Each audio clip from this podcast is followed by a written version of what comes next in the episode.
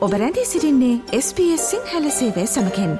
වැඩිතුර තොරතුර දැනැනීමට පිවිසන්න ps.com.ta/ Sinhala වෙපඩවයට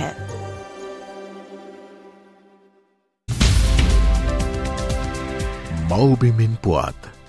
ඔස්ට්‍රේලියාවේ අද උදැස්ස නවද විට ශ්‍ර ලංකාවෙන් වාර්තාාවන ප්‍රධානතම පුවත් කිහිපය මෙන්න.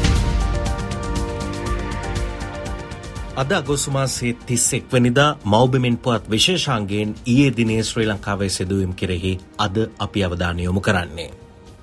ඊයේ දිනය ශ්‍රී ලංකාවට සංස්කෘතිකමය වශයෙන් නිතා වැදගත් දිනයක්. ඊට හේතුව තමයි මහනුවර ඓතිහාසික ඇසල මංගල්ලේ අවසාන රන්දෝලි පෙරහැර වීති සංචාරය කරා. ඊයේ රාත්‍රී 7:03ට යෙදෙන සුබ මොහොතින් තමයි පෙරහැර වීති සංචාරය කරේ.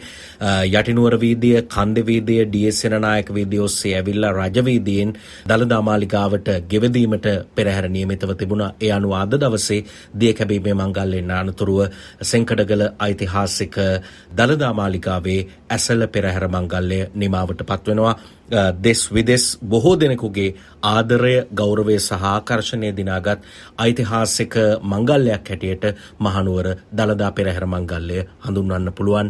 එහි අවසන් රන්දෝලි පෙරහැර ඊයේ දිනේ වීති සංචාරය කර අවසන් වූ බව අපිට සතුටින් මතක් කරන්නට පුළුවන්.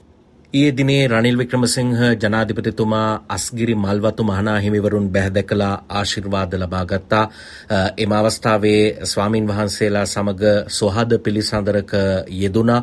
ඒ වගේම අස්ගිරි පාර්ශවය අනුනායක අතිපූජ්‍ය ආනමඩුවේ ධම්මදසිනා හිමියන් සඳහන් කළේ අසීරු කාල පරිච්ඡේදයක රටත් ජනතාවත් වෙනුවෙන් විශාල කාර්යභාරයක් ඉටු කරමින් සිටින ජනාධිපති රනිල් වික්‍රමසිංහ මහතාට එම වැඩපිළිවෙල ඉදිරියට ගෙන යන්න සියලු දෙනාගේ සහාය හිමි විය යුතු බව කොමුණත් උන්වහන්සේ 13 වන ව්‍යවස්ථා සංශෝධනය සහ උතුරේ විහාරස්ථාන පිළිබඳව මතුවී තිබෙන ප්‍රශ්න පිළිබඳව ජනාධිපතිතුමාගෙන් විමසීමක් කරා එහිදී ජනාධිපතිතුමා මේ ආකාරයෙන් අදහස් දැක්වීමකුත් සිදු කළා. 13 වෙනි සංශෝධනයේ ඉඩම් ගැන අපි ගමන් කරන ජාතික ඉඩම් කොමිසම කියලා නීතියක් සම්මත කරලා තුන දැන් අවුරුදු 20කට ඉස්සෙල්ලා.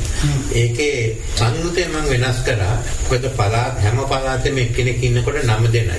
මධ්‍ය ආණ්ඩුවෙන් දැන් කණ්ඩායම් මම 12ක් කරා. ඔව්. ඉඩම් නීතිය අපිට ගෙන යන්න පුළුවන් ජාතික මට්ටමේ. ක්‍රියාත්මක කරන එක තමයි පළාත් සභාවට දෙන්නේ. නීතිය ජාතික මට්ටමෙන් සකස්. එතකොට පළාත් සභාවලට බරතර වැඩි වුණොත් තමයි උතර ගැටලුව ඒක ඉන්නේ.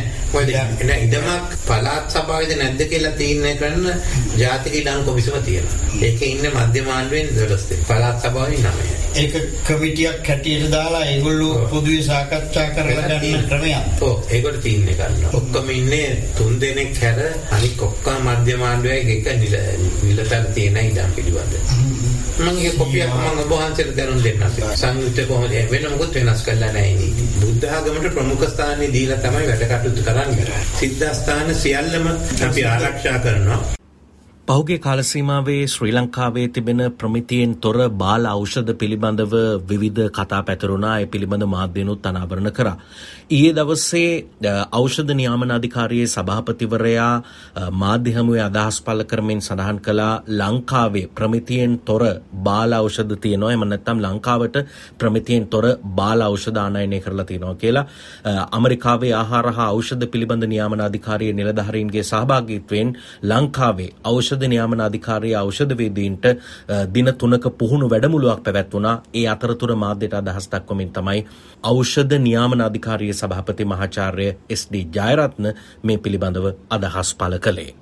අර කෝමක්සිකව් කියන බේතෙන් අසාත්මිකතාවයන් නිසා රෝගියෙක් මරණයට පත් වුණා. දැම්ම නියම කරලා තියෙනවා එම ඖෂධය ඕස්ට්‍රේලියාවේ TG ආයතනයට යවන්නේ කියලා මේ පරීක්ෂා කරලා බලන්න. දැනට මං තුනක් හතරක් වගේ ඉවත් කරලා තියෙනවා. ඇස් වලට ගෙනාපු බෙහෙත.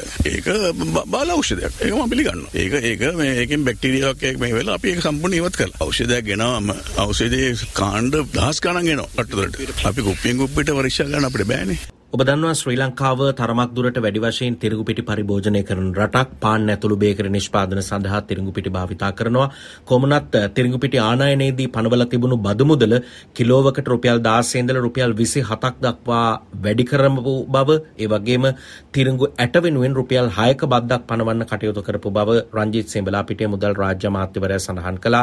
ඉතින් ඒ අනුව eh, තිරිඟු පිටි ආනයනය සඳහා අවශ්‍ය වෙලා තිබුණු බලපත්‍ර ක්‍රමයක් අහෝසි කරලා තියෙනවා කියලා මුදල් රාජ්‍ය අමාත්‍යවරයා සඳහන් කළා. ඒ සම්බන්ධයෙන් රංජිත් සේමලා පිටිය රාජ්‍ය අමාත්‍යවරයා පළ කළපු අදහස් මේ. බදු ප්‍රමාණයට වඩා පැහැදිලි මිල අඩුවීමක් ලෝක වෙළඳ පොලේ සිරුඟු පිටි සඳහා මේ මාස කිහිපය තුළ අපි මේ ගණනය කරලා බැලුවා. ඉතින් ඒ නිසා මේ මිල අඩුවීමෙන් වැඩි වාසිය පාරිභෝගිකයටත් ලැබෙන ආකාරයට අපි ඊයේ රාත්‍රී 12 ඉඳලා සිරුඟු පිටි ආනයන සඳහා වූ බලපත්‍ර ක්‍රමය අහෝසි කරලා නිදහස් කළේ. ඊපස්සේ බලපත්‍ර අවශ්‍ය වෙන්නේ නැහැ. හැබැයි අපි සිරුඟු පිටි කිලෝකට තිබුණු රුපියල් 16ක බද්ද 27ක් දක්වා වැඩි කරා.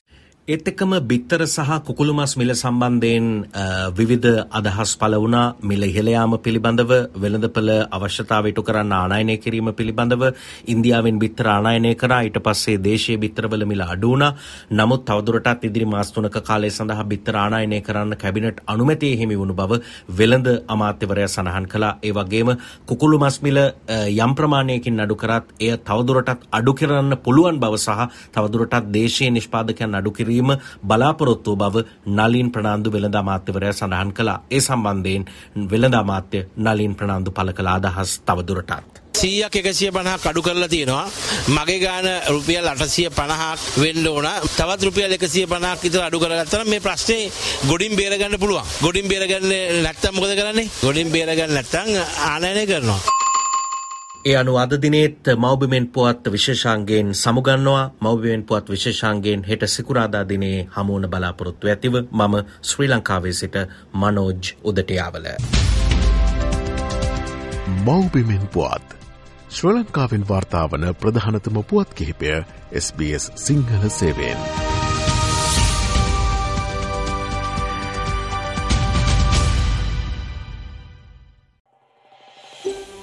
මේ වගේ තවත්තොරතුරු දැනගන්න කැමතිද.